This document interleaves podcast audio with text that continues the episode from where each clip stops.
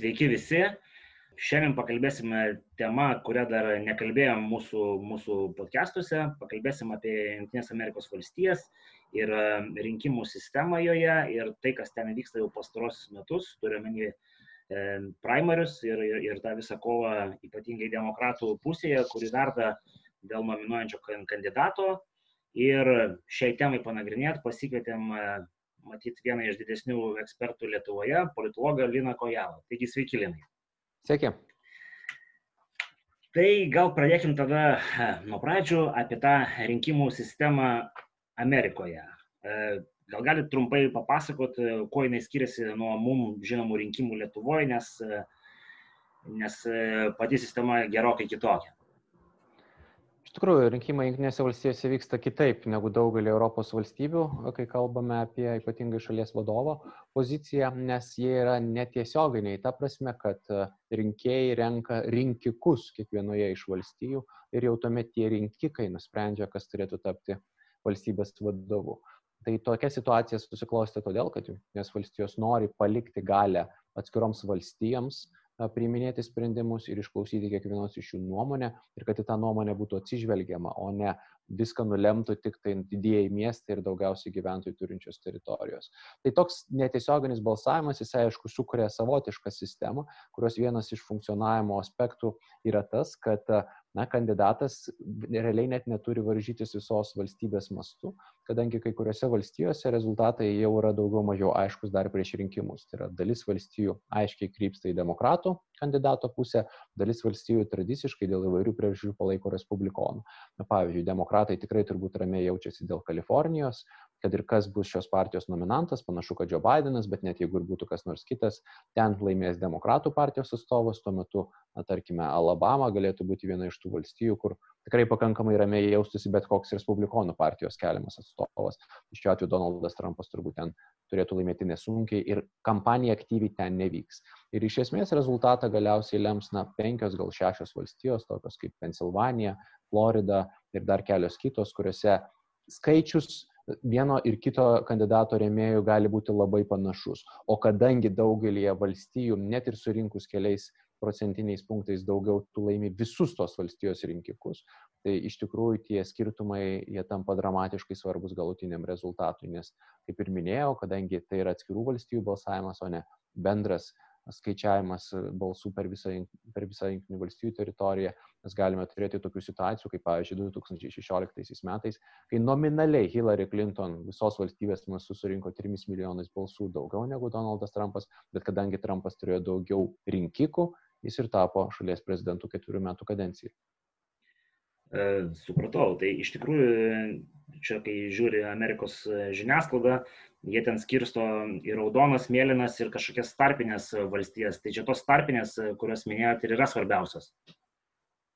Iš tikrųjų taip, kaip ir minėjau, kai kuriuose valstijose paprasčiausiai neapsimoka kandidatams siekti perkalbėti rinkėjus, nes jie ten turi labai mažas galimybės laimėti. O kadangi visi rinkikai daugelėje valstijų tenka tam kandidatui, kuris surenka nors truputį daugiau balsų, Vadinasi, ta, tavo skaičiaus balsų padidinimas, bet galiausiai pralaimėjimas, jisai reikštų, kad pastangos yra bergždžios. Ir todėl visa koncentracija dėmesio, pinigų, reklamos ir kitų dalykų bus nukreipta į tas valstijas, kurios ir bus kertinės ir lemiamos, nes jos yra vadinamosios swing states arba sviruojančios valstijos ir gali nukreipti tiek į vieno, tiek į kito kandidato pusę.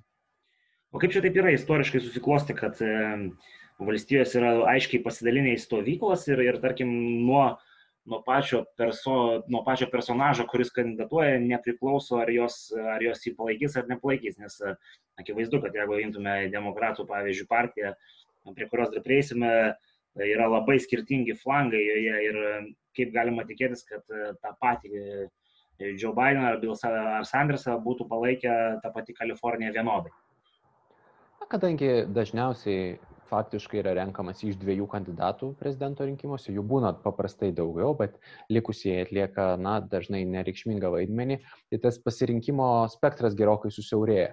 Ir net jeigu demokratų partija sakytų, kad Joe Bidenas ir Bernie Sandersas turi labai daug skirtumų ir dalis demokratų partijos atstovų, kurie remia Bernie Sandersą, na, nėra labai simpatitingi Joe Bideno atžvilgiu, tai dar nereiškia, kad tas skirtumas partijos viduje yra toks pat na, didelis kaip skirtumas su Donaldu Trumpu. Jis su Donaldu Trumpu yra dar didesnis, su respublikonais jis yra dar didesnis, nes pasirinkimas iš dviejų reiškia, kad abi partijos ypatingai pastaruoju metu krypsta na, į vienokius ar kitokius kraštutinumus savo siūlymuose ir savo idėjose. Ir tas pasirinkimas iš dviejų tampa labai labai reikšmingas. Tai istoriškai, aišku, tos valstijos ir jų požiūriai keitėsi ir mes tai ypatingai gerai pamatėme 2016 metais. Mes turbūt galėjome sakyti, kad Wisconsinas, pavyzdžiui, arba Michiganas yra tvirtai mėlynos valstijos, yra tvirtai demokratų partijos valstijos, jos balsavo už demokratų partijos prezidento kandidatus 6-7 kartus iš eilės, tai atrodė, kad iš tikrųjų ten kova nevyks ir Hillary Clinton matydama tą žemėlapį iš esmės į tas valstijas beveik ir nevažinėjo kandidatuoti, nes jį mane, kad ten pergalė yra garantuota.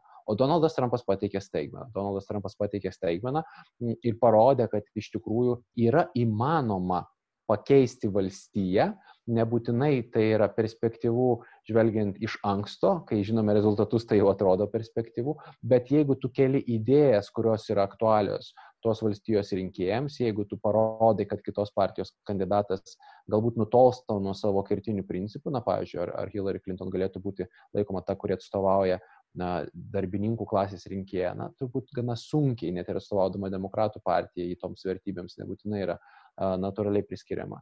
Tuomet yra įmanomi ir pokyčiai. Bet kaip ir minėjau, vis tiek tai reiškia, kad didelė dalis valstybių nebus kovos laukas, o kovos laukas bus tos valstybės, kurios bent jau turi perspektyvą būti apverstos. Tai yra, jeigu buvo mėlynos tapti raudonomis, respublikoniškomis arba atvirkščiai. Taip, tai iš tikrųjų matėm vieną kandidatą, kuris kaip ir turėjo neribotą biudžetą ir techniškai matyti didžiausias galimybės, bet reitingai to visiškai neatspindi. Tai taip reikėtų suprasti, kad Amerikos e, rinkėjams svarbiausia yra idėjos. Be abejo, jiems labai svarbu idėjos, jie nori matyti valstybės raidos kryptį, nes yra nemažai šioje šalyje problemų, ypatingai eskaluojamos, ko gero, buvo dvi pastaraisiais metais, iki pandemijos dar turiu omeny, tai pirmiausia ekonomika, ekonomika, kuri auga, nedarbo lygis, kuris yra mažiausias per 5-6 dešimtmečius, bet tuo pačiu ekonomika, kuri nedirba visiems, tai yra vidutinės na, klasės pajamos, jau skaičiuojama kelis dešimtmečius, realiosios pajamos, iš esmės beveik nedidėja, tuo metu turtingųjų augo labai sparčiai ir tas ekonominis neligybės mastas ir jo augimas kėlė labai didelį pyktį, kuris iš dalies turbūt ir paskatino Donaldo Trumpo pergalę, kuri, prisiminkime, buvo grįsta šūkiu, aš nusausinsiu tą pelkę, nutildysiu tą elitą, kuris visiškai nesirūpina paprastais amerikiečiais ir tapsiu tuo, kuris atstovauja paprastą kasdienį vidutinį amerikietį. Tai pirmas ekonominis veiksnys buvo labai reikšmingas, renkantis prezidento kandidatą, ir kitas veiksnys buvo kultūrinis, idėjinis, sociokultūrinis tam tikrą prasme, kuris buvo susijęs be abejo ir su globalizacija, tai yra išsikeliančios gamyklos, kurios ne tik tai ekonominių problemų sudaro, bet ir pilnatvės jausmą daugeliu gyventojų sumenkino ir imigracija.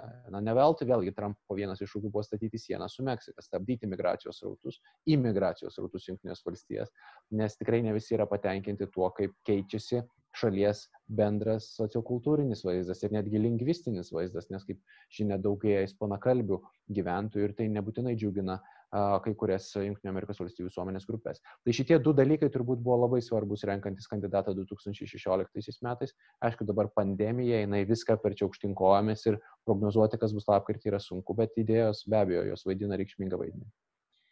E, tai dabar galbūt e, panagrinėkim šiek tiek tuos dalykus, e, kurie pakankamai neįprasti irgi mūsų žemynė, tai iš ankstiniai, iš ankstiniai rinkimai, kuriuose partijos nominuoti kandidatai uh, ar išsikėlę partijos vardu, kaip čia teisingiau būtų formuluoti, rungėsi tarpusavyje. Tai pirmiausia, gal paklausiu apie respublikonus. Ir aplamai gal klausimas būtų toks, ar būna taip, kad esančio prezidento partija meta kažkokią konkurenciją esamam vadovui ir, ir, ir esamas prezidentas turi konkuruoti partijos viduje su kitais, kad galėtų išsikelti antrai kadencijai rinkimuose.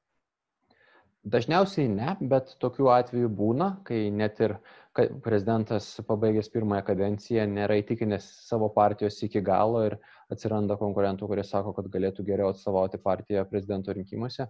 Vienas iš tokių atvejų turbūt buvo Harry Trumanas, prezidentas iškart po antro pasaulinio karo, na tiksliau dar jo metu tapęs juo mirus Franklinui Delano Rooseveltui, kuris na, susidūrė su didelėmis problemomis demokratų partijos viduje, dalyvavo pirminėse pirminių rinkimų stadijose, vėliau iš jų pasitraukė, sakydamas, kad aš galbūt ir nenorėjau toliau tęsti kavos, bet tai buvo akivaizdžiai susijęta ir su tuo, kad uh, tikrai ne visi partijos nariai palaikė jo tolimesnį kandidatavimą. Tai tokiu atveju vėlgi būna, dažniausiai jie nėra uh, patys realiausi, todėl kad uh, paprastai leidžiama kandidatui, kuris ketverius metus dirbo siekti ir antrosios kadencijos, juo labiau, kad istoriškai antrosios kadencijos siekiantis prezidentai rinkimuose yra gana sėkmingi. Na, jeigu pasižiūrėtume po antrojo pasaulinio karo, iš 11 perrinkimo bandžiusių prezidentų, siekusių prezidentų, 8 buvo perrinkti. Vadinasi, tai natūraliai sudaro palankę terpę tikėtis, kad partija ir toliau išliks valdžioje ir kad nereikia blaškytis, o tęsti darbus. Jo labiau, kad, na, prisiminkime, Junktinių valstybių prezidento kadencija yra saliginai trumpa, tik ketveri metai.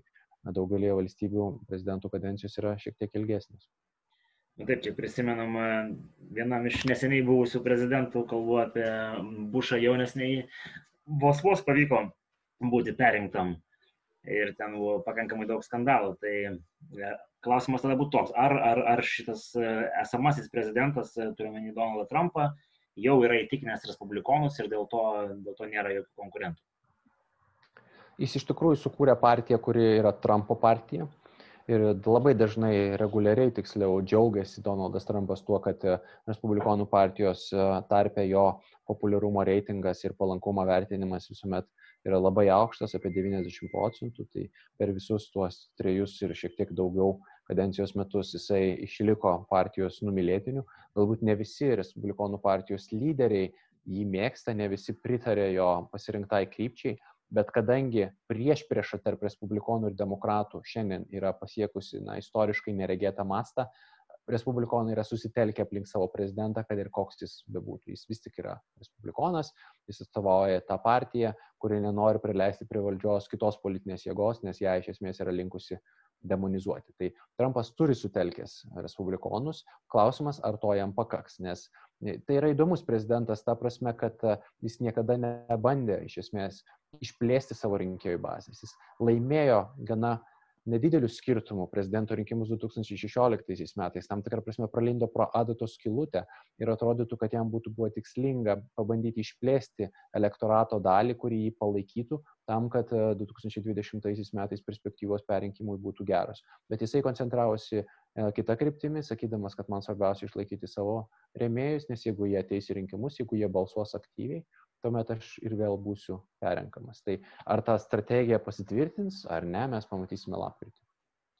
Gerai, taip. Tai, tai dabar iš tikrųjų prieinam prie kitos e, dominuojančios e, politinės partijos Junktinėse valstijose ir jinai šiems, šiems prezidento rinkimams iškėlė 29 e, kandidatus. Ar tai yra kažkokia anomalija, ar, ta, ar tai yra normalus skaičius iš, iš, iš demokratų pusės? Šiek tiek turbūt anomalija, šiek tiek per daug. Paprastai tų kandidatų būna gana nemažai, bet 29 e, pradžioje ir, ir tik taip vėliau kryptingai mažėjantis skaičius jisai buvo labai didelis. Bet aišku, reikia pripažinti ir tai, kad e, tai nesuvaidino kertinio vaidmens, ko turbūt baiminosi dalis demokratų partijos kandidatų. Jie bijojo, kad ta kova tarp na, ne 20, ne 10, bet 6, 7, galbūt net ir 8 kandidatų gali užsitęsti labai ilgą laiko tarpą. Tai fragmentuos partiją, neleis jai koncentruotis į oponentus, į respublikonus, o vers kelti problemas iš partijos vidaus, o ten nesutarimų taip pat yra daug, vis tik tai partijos yra milžiniškos, juose yra skirtingų judėjimų, skirtingų idėjinių, kultūrinių ir kitokių krypčių. Ir tikrai ne viskas taip yra unifikuota, bent jau kol partija neturi vieno kandidato, bet taip neįvyko. Mes pamatėme greitą konsolidaciją, greitą susitelkimą, e, greitą paramos išreiškimą Joe Bidenui iš visų pasitraukusių kandidatų, įskaitant ir Bernie Sandersą, ir, netgi, ir buvusį prezidentą Barack Obama. Ir tai turbūt leidžia demokratams, na bent iš dalies tikėtis, kad nebus pakartota 16 metų klaida, nes tuo metu vėlgi Hillary Clinton prieš Bernie Sandersą. Clinton laimėjo gana įtikinamų skirtumų, bet Bernie Sanderso elektoratas buvo tiek nusivylęs, tiek nepatenkintas visą proceso eiga ir neva tai elito bandymų sustabdyti Sanderso kandidatūrą, kad didelė dalis Sanderso rėmėjų, demokratų partijos potencialiai rinkėjų, jie galiausiai rinkimuose lapkričio mėnesį tuo metu nepasirodė ir tai iš dalies sąlygojo Donaldo Trumpo pergalę. Tai tos fragmentacijos yra, bet jį demokratų partijos tarpe šiandien, nepaisant labai didelio pirminio kandidatų skaičiaus, ko gero, yra šiek tiek mažesnė negu buvo anksčiau. Tai jo, iš tikrųjų, tų kandidatų tiek daug, kad visų mes tikrai nespėsim apžvelgti, bet apie tuos pagrindinius, nu visgi norėtųsi pakalbėti, paliekant e, Bernie Sanders ir Joe Bideną pačiai pabaigai aptarimo iš e, kitų, kurie buvo tam penketukė, turiu menyje tiek Elizabeth Warren, e, tiek buvusi New Yorko merą Bloombergą, tiek jauną ir žavingą Indianos merą Pete Buttigieg. Ir galbūt dar išsiskiria Andrew Youngas su savo labai netradiciniam idėjom kokiom jie stovyklom atstovauja, taip trumpai, jeigu peržvelgiant pačioje demokratų partijoje ir, ir, ir, ir, ir kuo jie buvo išskirtiniai. Iš tikrųjų daug labai skirtingų kandidatų ir jie skiriasi visų pirma priklausomybė partijai, tai ne visi yra demokratų partijos nariai, tas pats Andersas, jie iš esmės tos, tos partijos narių ilgą laiką nebuvo ir tik tai siejasi su ją ir, ir tokie kaip Michaelas Bloombergas dalį savo gyvenimo praleido kaip respublikonai, tik vėliau pradėjo remti demokratus. Tai ta partinė priklausomybė ir partiniai saitai, ko gero, buvo vienas iš skiriamųjų bruožų. Kitas dalykas be abejo, kad jie šiek tiek atstovavo skirtingoms partijos šakoms arba skirtingoms prioritetinėms kryptims. Na, pati Elizabeth Warren, ko gero, buvo gana arti Bernie Sanderso, kalbėdama apie tai, kad mums reikia dramatiškų ekonomikos pokyčių, mums reikia didinti valstybės vaidmenį, ypatingai sukuriant tą vadinamąją socialinę pagalbę, tai yra, kad labiausiai pažeidžiami visuomenės sluoksniai galėtų turėti valstybės paramą, ar tai būtų sveikatos apsaugos sistema nemokama, arba iš dalies bent jau nemokama, ar kitos paslaugos, nes kitaip skurdas, neligybė ir visos tos problemos, kurios kamuoja valstybė, tik gilės. Ir jinai buvo linkusi tos pokyčius daryti pakankamai radikalius, galbūt šiek tiek mažiau radikalius, jinai nenaudojo termino revoliucija kaip tą darė Bernie Sandersas, bet bet kuriuo atveju, ko gero, savavo tą ekonominę idėjinę liniją. Michaelas Bloombergas, ko gero, buvo visiškai kitoks kandidatas, jisai kalbėjo apie mintį, kad mums reikia bet kuriuo bet kokiais įmanomais būdais įveikti Donaldą Trumpą ir aš, milijardierius, vienas turtingiausių pasaulio gyventojų, sukūręs rinkiminę struktūrą, turintis valdymo patirties New York'e ir panašiai, galiu tą padaryti geriausiai. Tai jis nekėlė tokių radikalių politinių idėjų, jis kėlė idėją, kad mums reikia nugalėti Trumpą ir kadangi partija atrodė tuo metu, kai jis kėlė savo kandidatūrą susiskaldžiusi, aš esu vienintelis, kuris gali pakilti virš vidinių kovų, sutelkti galbūt elektoratą ir laimėti prieš Trumpą. Na, šiandien jau žinome, kad tai nepasitvirtino. Pitas Butidžežas, vėlgi visiškai kitoks kandidatas, visų pirma kitoks, nes daug jaunesnis. Sandersas, Warren, Bloombergas yra žmonės įkopė 80-metį, Sanderso atveju netgi artėjantis jau ir prie 90-mečio. Tai tikrai na, vyresnės kartos atstovai. Pitas Butidžežas, tas pats Andrew Youngas atstovavo gerokai jaunesnę gyventojų kategoriją, tą, kuri turbūt puikiai žino silicijos lėnį, puikiai žino Facebook, Twitter, e, kitas technologijas ir gali kelti jau turbūt šiek tiek kitokias problemas negu vien atlyginimai ir, ir panašus dalykai. Kelti klausimus dėl universiteto, kelti klausimus dėl technologijų, kelti klausimus dėl šalies skaitmenizacijos ir, ir panašius dalykus. Ta pati klimato kaita, kuri be abejo visiems demokratams yra svarbi, bet na, jaunimo tarpe turbūt turi didesnį, didesnę galimybę būti iškelta kaip aktuali politinė problema. Iš tikrųjų labai daug skirtingų flangų, skirtingos kartos, skirtingos idėjinės kryptis ir tai tik tai dar kartelį atskleidžia tą faktą, kad abi partijos šiuo atveju respublikonams tai galioja, bent jau tam tikrų mastų, yra skėtinės, telkiančios labai daug žmonių ir tą bendrą vardiklį surasti iškeliant tik tai vieną kandidatą prezidento postui yra gana nelengva. Dar matyt būtų smagu paliesti Andrew Youngą, nes jis buvo matyt labiausiai netipinis kandidatas, kuris nors ir nesiūlė revoliucijos, bet siūlė pakankamai revoliucingas idėjas, žodžiu, kaip e, pakeisti e, atlyginimų sistemą Amerikoje. Kuria, kuriam flangui jisai atstovavo? Net sunku turbūt jį priskirti kažkuriam labai konkrečiam flangui, tokių uh, idėjų flangui turbūt galėtų būti priskirtas žmogus, kuris skatino kitus mąstyti, turbūt pats suprasdamas, kad jo galimybės tapti kandidatu prezidento rinkimuose nėra didelės. Vienu metu jo populiarumas buvo šiek tiek ūktelėjęs, ypatingai atskiriuose valstijose, na, bet jo niekas turbūt nematė kaip favoritų ilgalaikėje perspektyvoje, bet, na, keldamas idėjas apie tai, kaip reikia pakeisti ekonomiką ir ją modernizuoti, jisai turbūt sugebėjo tam tikrą prasme paveikti mąstymą. Jo labiau, kad jis ir toliau yra matomas, jis toliau yra cituojamas, jisai nuolatos šmėžoja televizijos ekranuose ir yra priskiriamas prie įtakingesnių demokratų partijos rėmėjų. Na, ir tai tikrai turbūt leidžia tikėtis, kad galbūt ateityje tos jau išsakytos mintys jos galės tapti ir platesniu konsensusu, kuris realizuosis ir politiniais sprendimais. Tai jis jau galima sakyti ir realizavosi, kažkuria prasme jam padėjo pandemija, nes tai, kai jis siūlė dotacijas gyventojam, tiesa, tuo metu beprecedentės, precedentų laikant to, kad visi turėtų dalintis tą gėrį, kurį sukuria valstybėje esančios įmonės, dabar kažką panašaus e, gauna iš, iš valstybės e, kaip parama, kaip parama pandemijos akivaizdoje.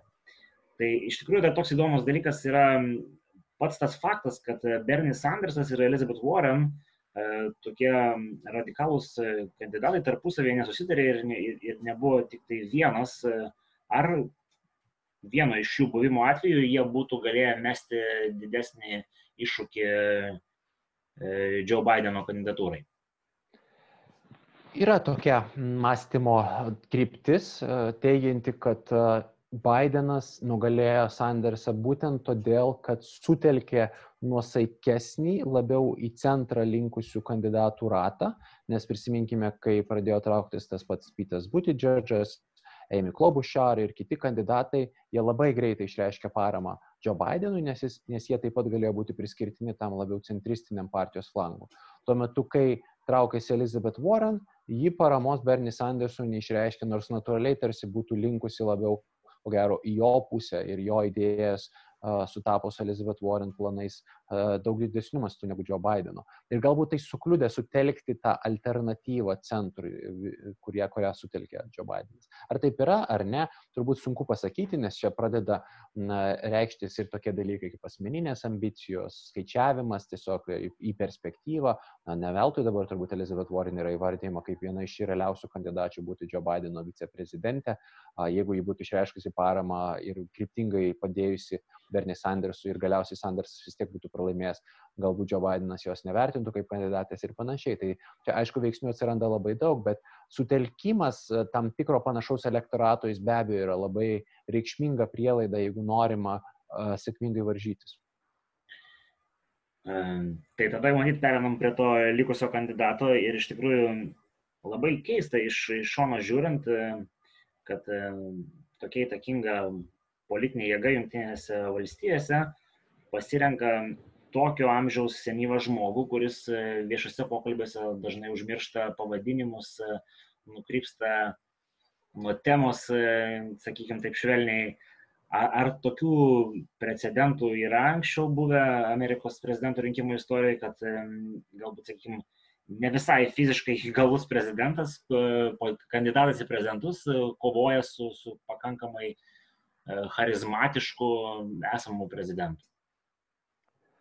Tokių konkrečiai turbūt atveju gal šiuo metu taip ir nešauna į galvą. Mes matėme situacijų, kai e, prezidento rinkimus laimė kandidatai, kurių sveikata kelia abejonių. Aišku, reikia svarstyti, ar tuo metu visuomenė tą žinojo, nes tai yra labiau na, atvejai iš praeities. Tas pats Woodrow Wilsonas antrojoje kadencijoje jau netgi kai kas ir dabar iš istorikų svarsto, apskritai nebebuvo įgalus priimti sprendimų, buvo užsidaręs ir daug ką už jį darė jo žmona. Šiandien turbūt to neįsivaizduotume, bet 20-ojo e, amžiaus pirmoje pusėje tai buvo politinė realybė.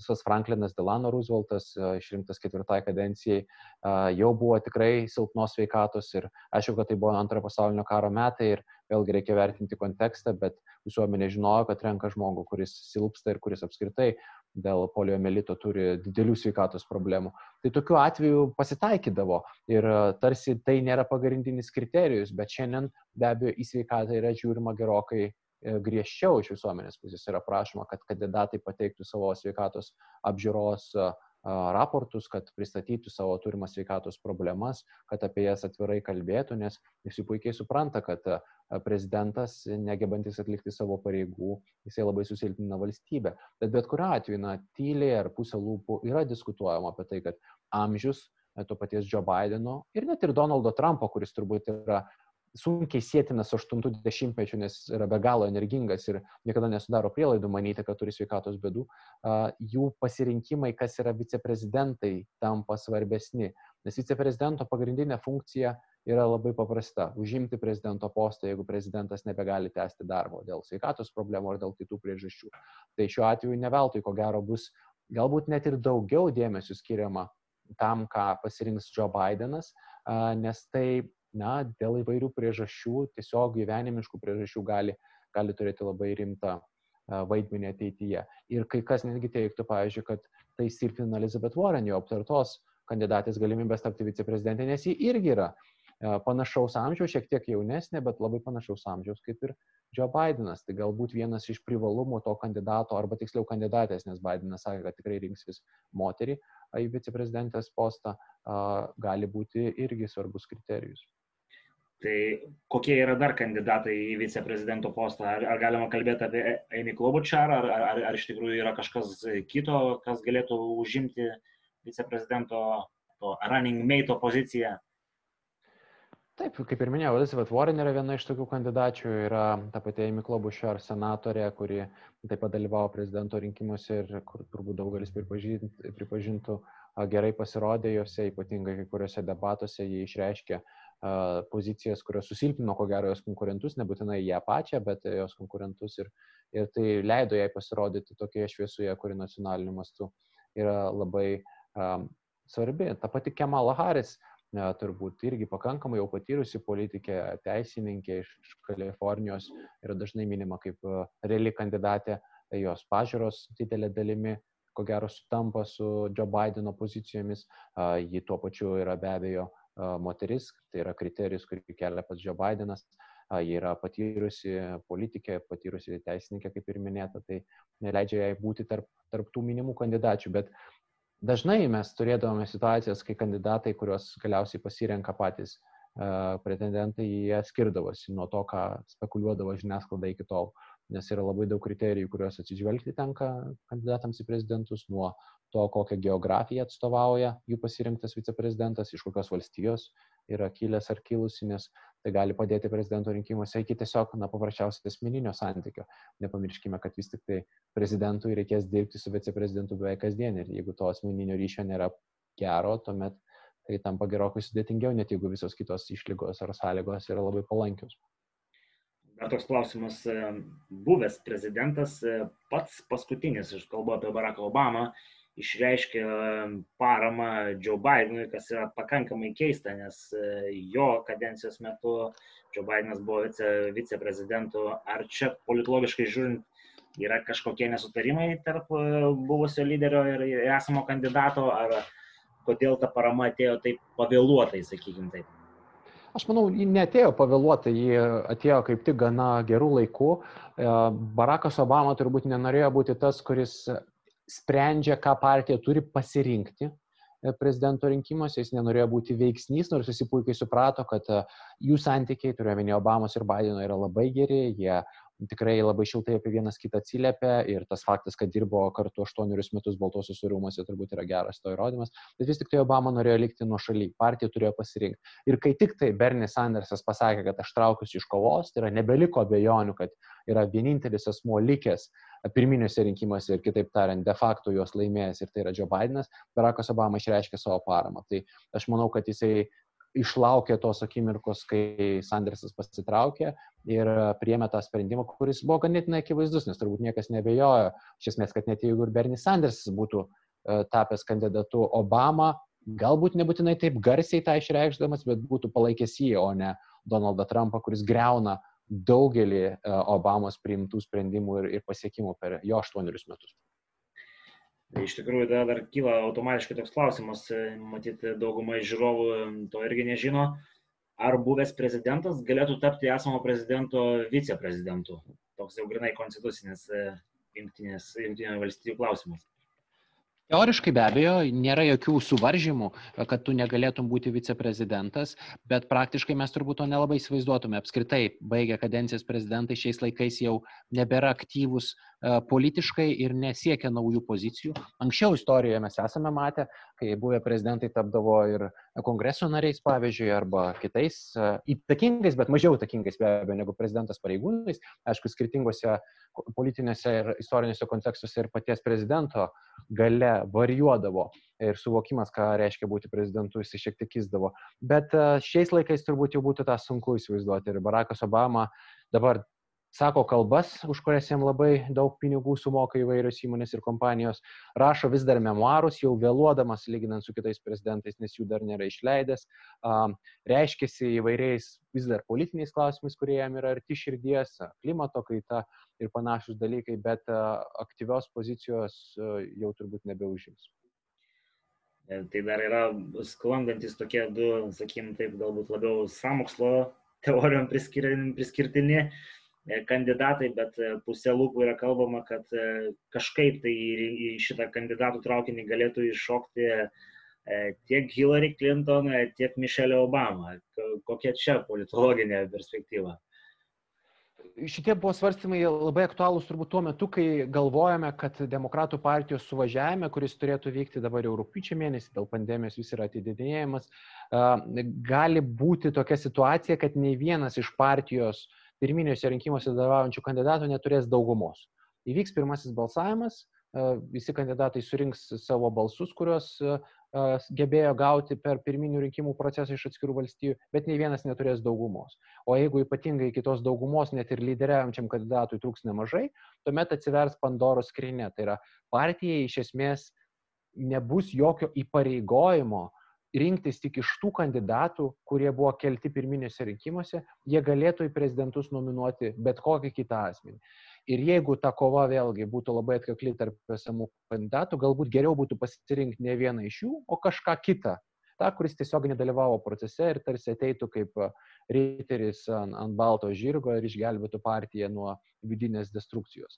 Ir tokiu atveju be abejo Mišelė Obama buvo minima kaip kandidatė, nors ji pati be abejo tokios galimybės visuomet atsisakydavo, bent jau retoriškai ir sakydavo, kad tai nėra perspektyvų, nes, nes yra be galo populiari. Na ir ta pati Hillary Clinton, nors turbūt būtų jau labai sunku įsivaizduoti tokį scenarijų, kai vieną kartą pirminiuose rinkimuose pralaimėjusi, aš turiu menį 8 metus, 16 metais būdama favoritė ir vėl pralaimėjusi uh, politikė, jo labiau, kad ir uh, be abejo jį pralaimėjo būtent prieš Trumpo dar kartelį sulauktų partijos narių pasitikėjimo. Tikrai taip. Tai iš tikrųjų tada gal pereikim prie to pačio, pačios kovos, būsimos kovos tarp, tarp Joe Bideno ir, ir Donaldo Trumpo. Uh, Akivaizdu, kad visą Donaldo Trumpo kadenciją demokratai visai bandė pasikasti po, po, po Trumpo pamatais e, ir matyti tuos dalykus rinkiminiai kompanijai kažkuria prasme vėl bandys pakelti. E, bet ir pats Joe Bidenas ypatingai ten siejamas su, su visokiais verslais per jo sunus, turi tų, tų šmėklų. E, kas greičiausiai bus tie, tie topikai, kurie bus skalbiami rinkimų, rinkimų tos kampanijos jau nu, galutinės metu? Aš bijau, kad e, dabartinis kontekstas yra toks, kad dominuos viena tema ir tai bus pandemija e, ir jos suvaldymas plus e, iš to kylančios ekonominės pasiekmes. Bet aišku, mes galime pasvarstyti, kas būtų turbūt gerokai aktyviau aptarinėjama jau dabar, jeigu tai būtų normalus kontekstas ir nebūtų pandemijos. Tai nebejotinai, ko gero, Joe Bidenas turėtų silpnybę dėl to, kad, kaip jūs ir minėjote, na, ne visada atrodo tvirtas savo kalbėsenoj, ne visada atrodo pasirengęs atsakyti į klausimus, ne visada galbūt atrodo ir stiprus fiziškai.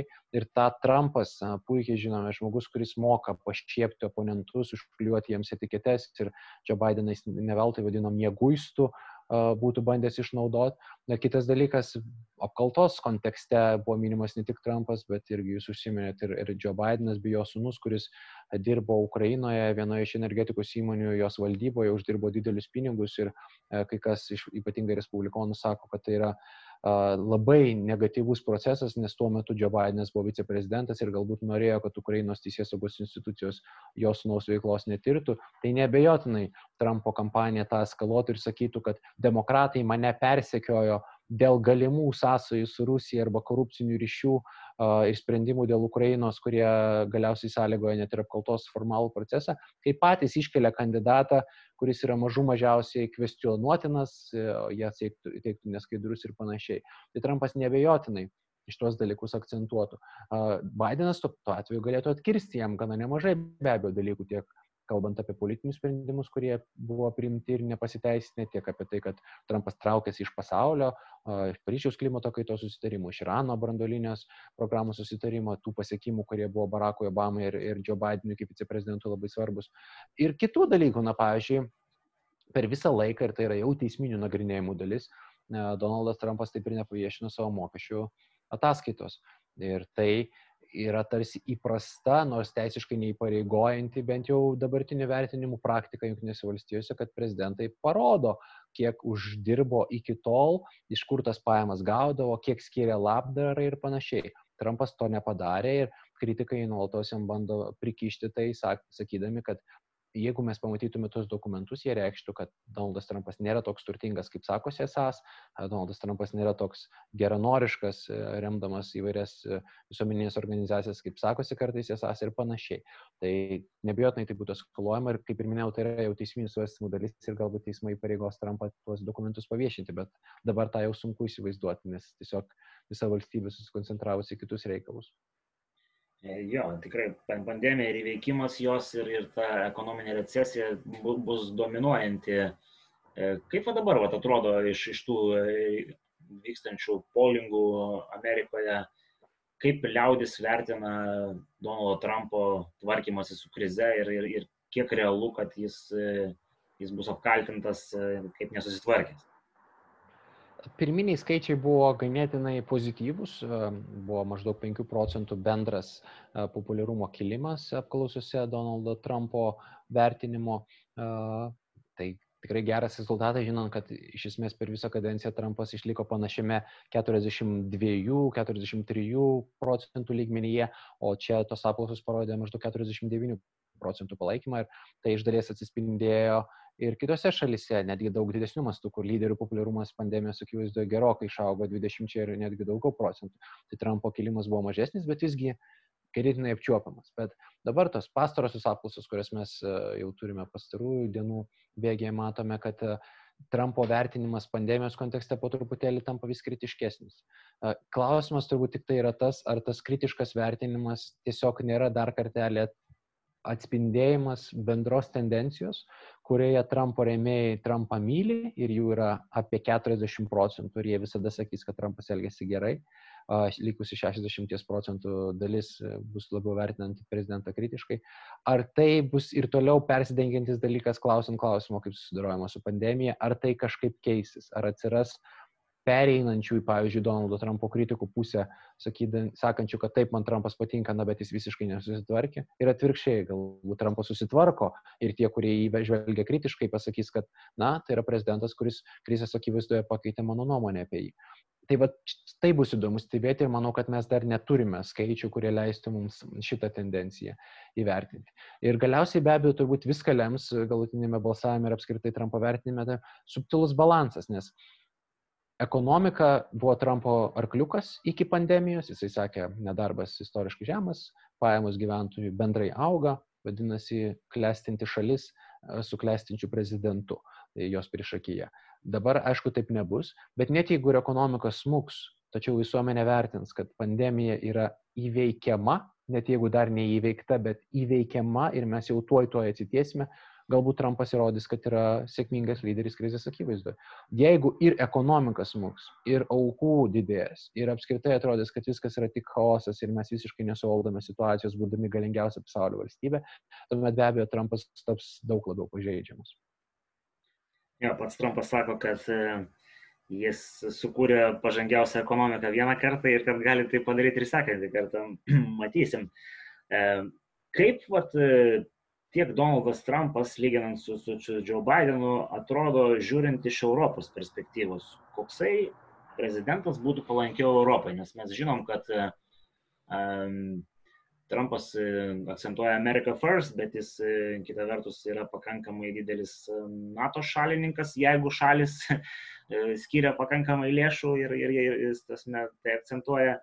Kita vertus, Joe Bidenas galbūt labiau žinomas iš savo viceprezidento kadencijos laikų yra toks minkštesnis lyderis ir galbūt su ta pačia Rusija būtų minkštesnis. Kaip pat ES kontekste ir konkrečiau Lietuvos e, būtų tie prezidentai matomi.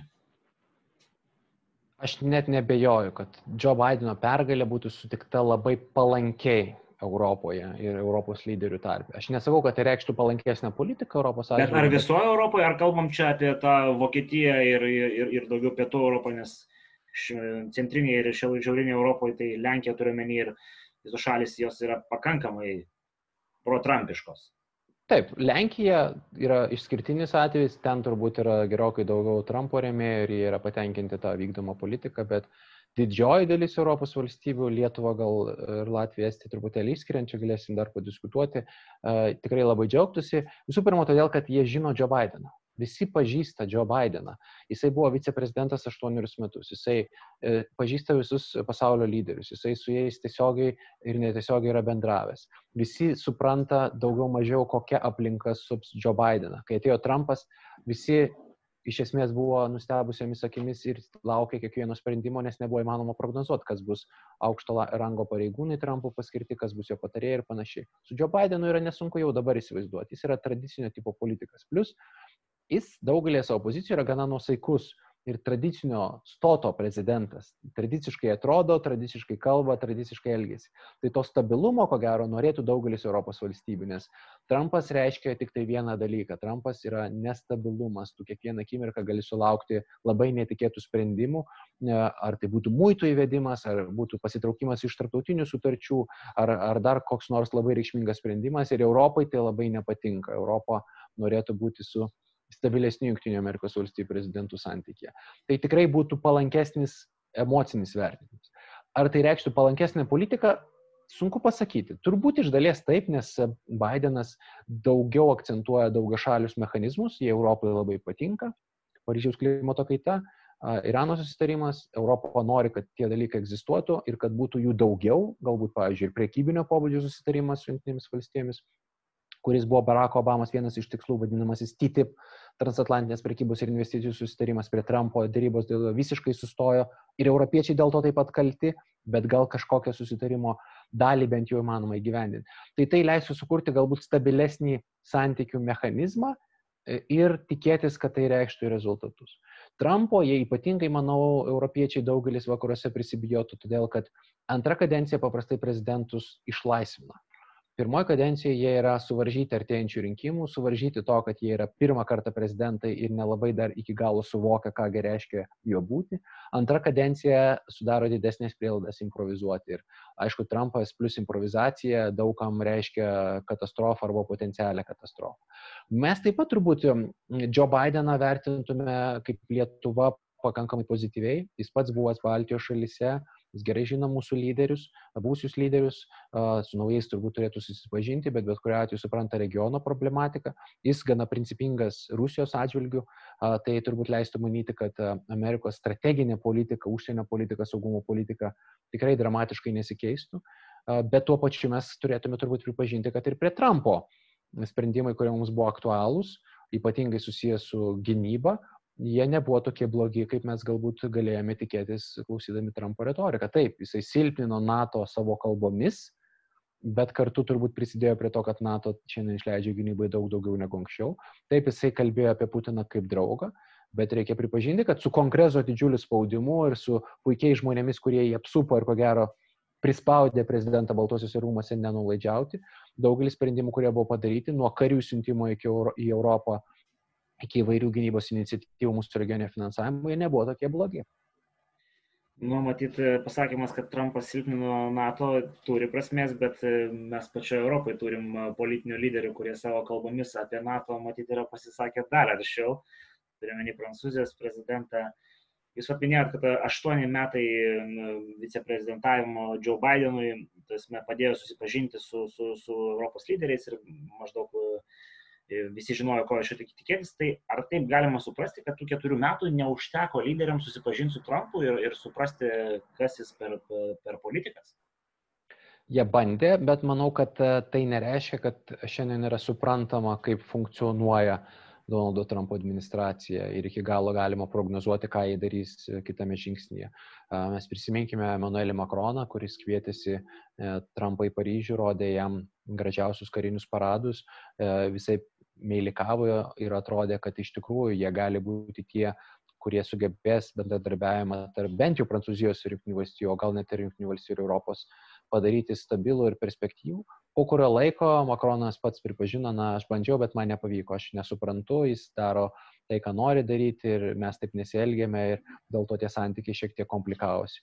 Lenkija galbūt atrado prieimo mechanizmą, bet turbūt irgi tas prieimo mechanizmas tokiu atveju tampa labai paprastas.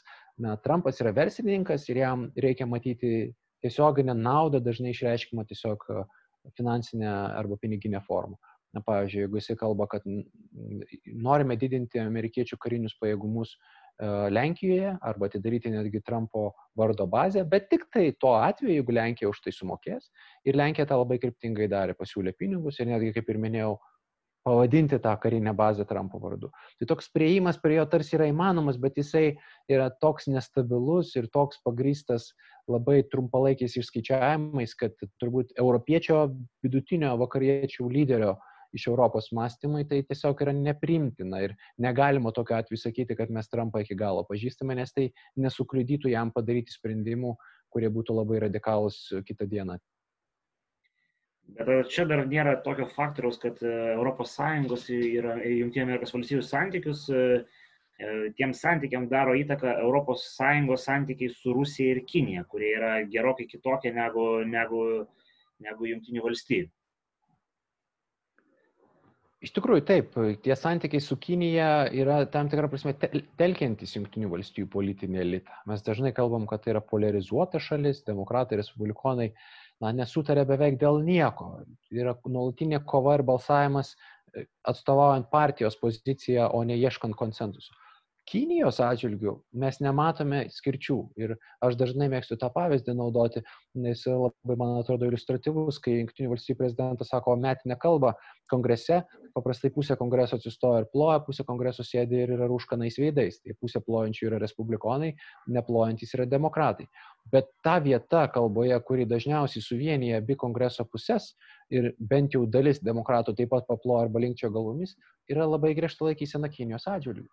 Ar tai būtų susijęta su 5G technologijų įdėgymu vakarų pasaulyje ir pačiose be abejo jungtinėse valstijose, tiksliau priešinimuose Huawei įtakai, ar tai būtų susijęs su prekyba, kuri amerikiečių vertinimu vyksta nesažiningai ir tą pripažįsta ir demokratų partija, ar tai būtų susijęs su idėjiniais dalykais, na, bet kuris amerikietis, ypatingai šioje administracijoje, bet ir labai dažnas demokratas, sako ne Kinija, sako Kinijos komunistų partija, akcentuodami, kad tai yra priešiškos jungtinėms valstybėms ideologijos e, valdoma valstybė. Visą tai rodo, kad iš tikrųjų, net jeigu ir Bidenas taptų prezidentu, principinės nuostatos Kinijos atžvilgių turbūt nesikeistų. Retorika švelnėtų, rankų paspaudimų galbūt būtų dar daugiau, nors ir Trumpas spaudė rankas į Žimpinų ne vieną kartą ir sakė, kad tai yra jo geras draugas. Galbūt kai kurių drastiškiausių priemonių nebūtų taikoma taip daug kaip iki šiol, na, pavyzdžiui, muitai turbūt yra pats geriausias to pavyzdys. Bet e, strateginė laikysena jinai nesikeistų ir jinai liktų tokia linkusi į akcentuoti prieš priešą, o ne kažkokio sugyvenimo paiešką. Tikrai taip, kai, kai, kai Trumpas kalba, tai ne tik puškani veidai būna, bet ir plėšomos kalbos, kaip čia neseniai įvyko. Tai iš tikrųjų dar apie Rusiją norėtųsi, tai kadangi tai yra mūsų kaip regiono vienas iš pagrindinių problematiškų taškų, E, kokia būtų Joe Bideno laikysena Rusijos atžvilgiu ir ar, ar čia nebūtų geriau Lietuvai Trumpas.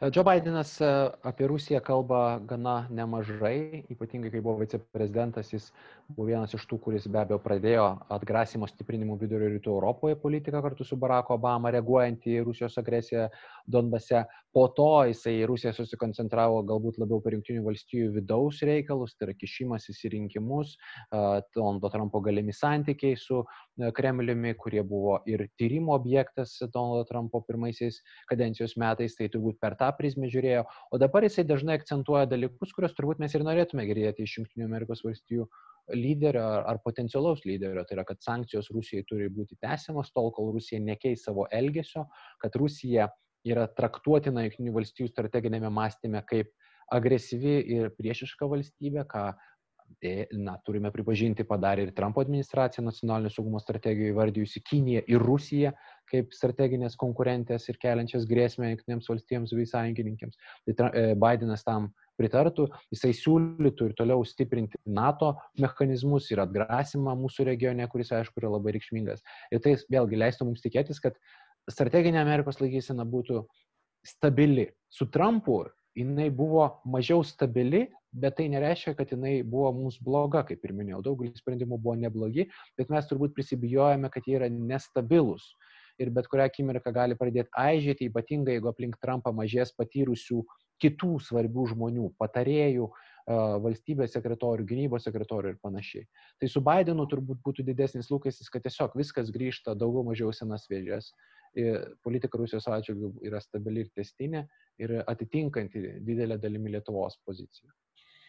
Bet ar, ar nebuvo taip, kad tuo metu, kai Joe Bidenas buvo vice, viceprezidentu, vyko Rusijos agresija prieš Ukrainą ir daug kas tuo metu pasigėdo tvirtesnės Amerikos pozicijos. Tai ar, ar tai nėra įrodymas, kad, kad Rusijos atžvilgiu Joe Bideno stovykla būtų minkštas prezidentas? Na, čia turbūt e, Joe Bideno rėmėjai atsakytų, kad e, ne visada ir Obamos bei Bideno pozicijos sutapdavo. Ir vienas iš kertinių dalykų buvo 15-16 metais e, jau prasidėjus agresijai ir jau aneksavus Krymą susijęs su amerikiečių galima letalinė ginkluotė ir jos tiekimu Ukrainai. Tuo metu tai tikrai galėjo būti labai svarbus veiksnys, kuris na, būtų tiesiogiai padėjęs Ukrainai gintis nuo tiesioginės Rusijos agresijos. Buvo tuo metu labai atviri karo veiksmai, daugelio valstybių institucijos labai atvirai deklaruodavo žvalgybinės institucijos, kad tai yra ir tiesioginis Rusijos kariuomenės dalyvavimas juose Donbase. Ir amerikiečių ginklai, gynybinio pobūdžio, bet letaliniai, tai yra galintys sunaikinti priešo pajėgas, jie galėjo būti svarbus veiksnys. Ir Joe Bidenas tą palaikė sprendimą. Jis sakė, kad taip, mes turėtume tą padaryti, mes turėtume padėti Ukrainai gintis, nes Ukraina ginasi, nes yra puolama. Bet galiausiai Barackas Obama, prezidentas Obama yra viršiausias be abejo sprendimų prieimėjas Junktinėse valstijose, jis nusprendė, kad yra pernelik daug rizikų.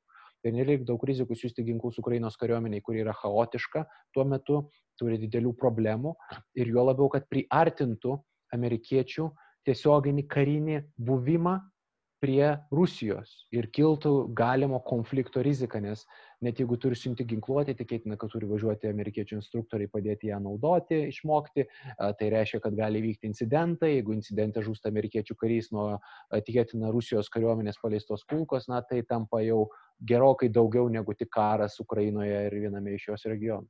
Bet istoriškai, bet, bet istoriškai mes tokių veiksnių esame matę jau pakankamai nemažai, kai tiek Rusija, tiek, tiek Amerika uh, konfrontavo netiesiogiai, bet tai neperaugdavo į tiesioginį šalių konfliktą trečiosios šalise.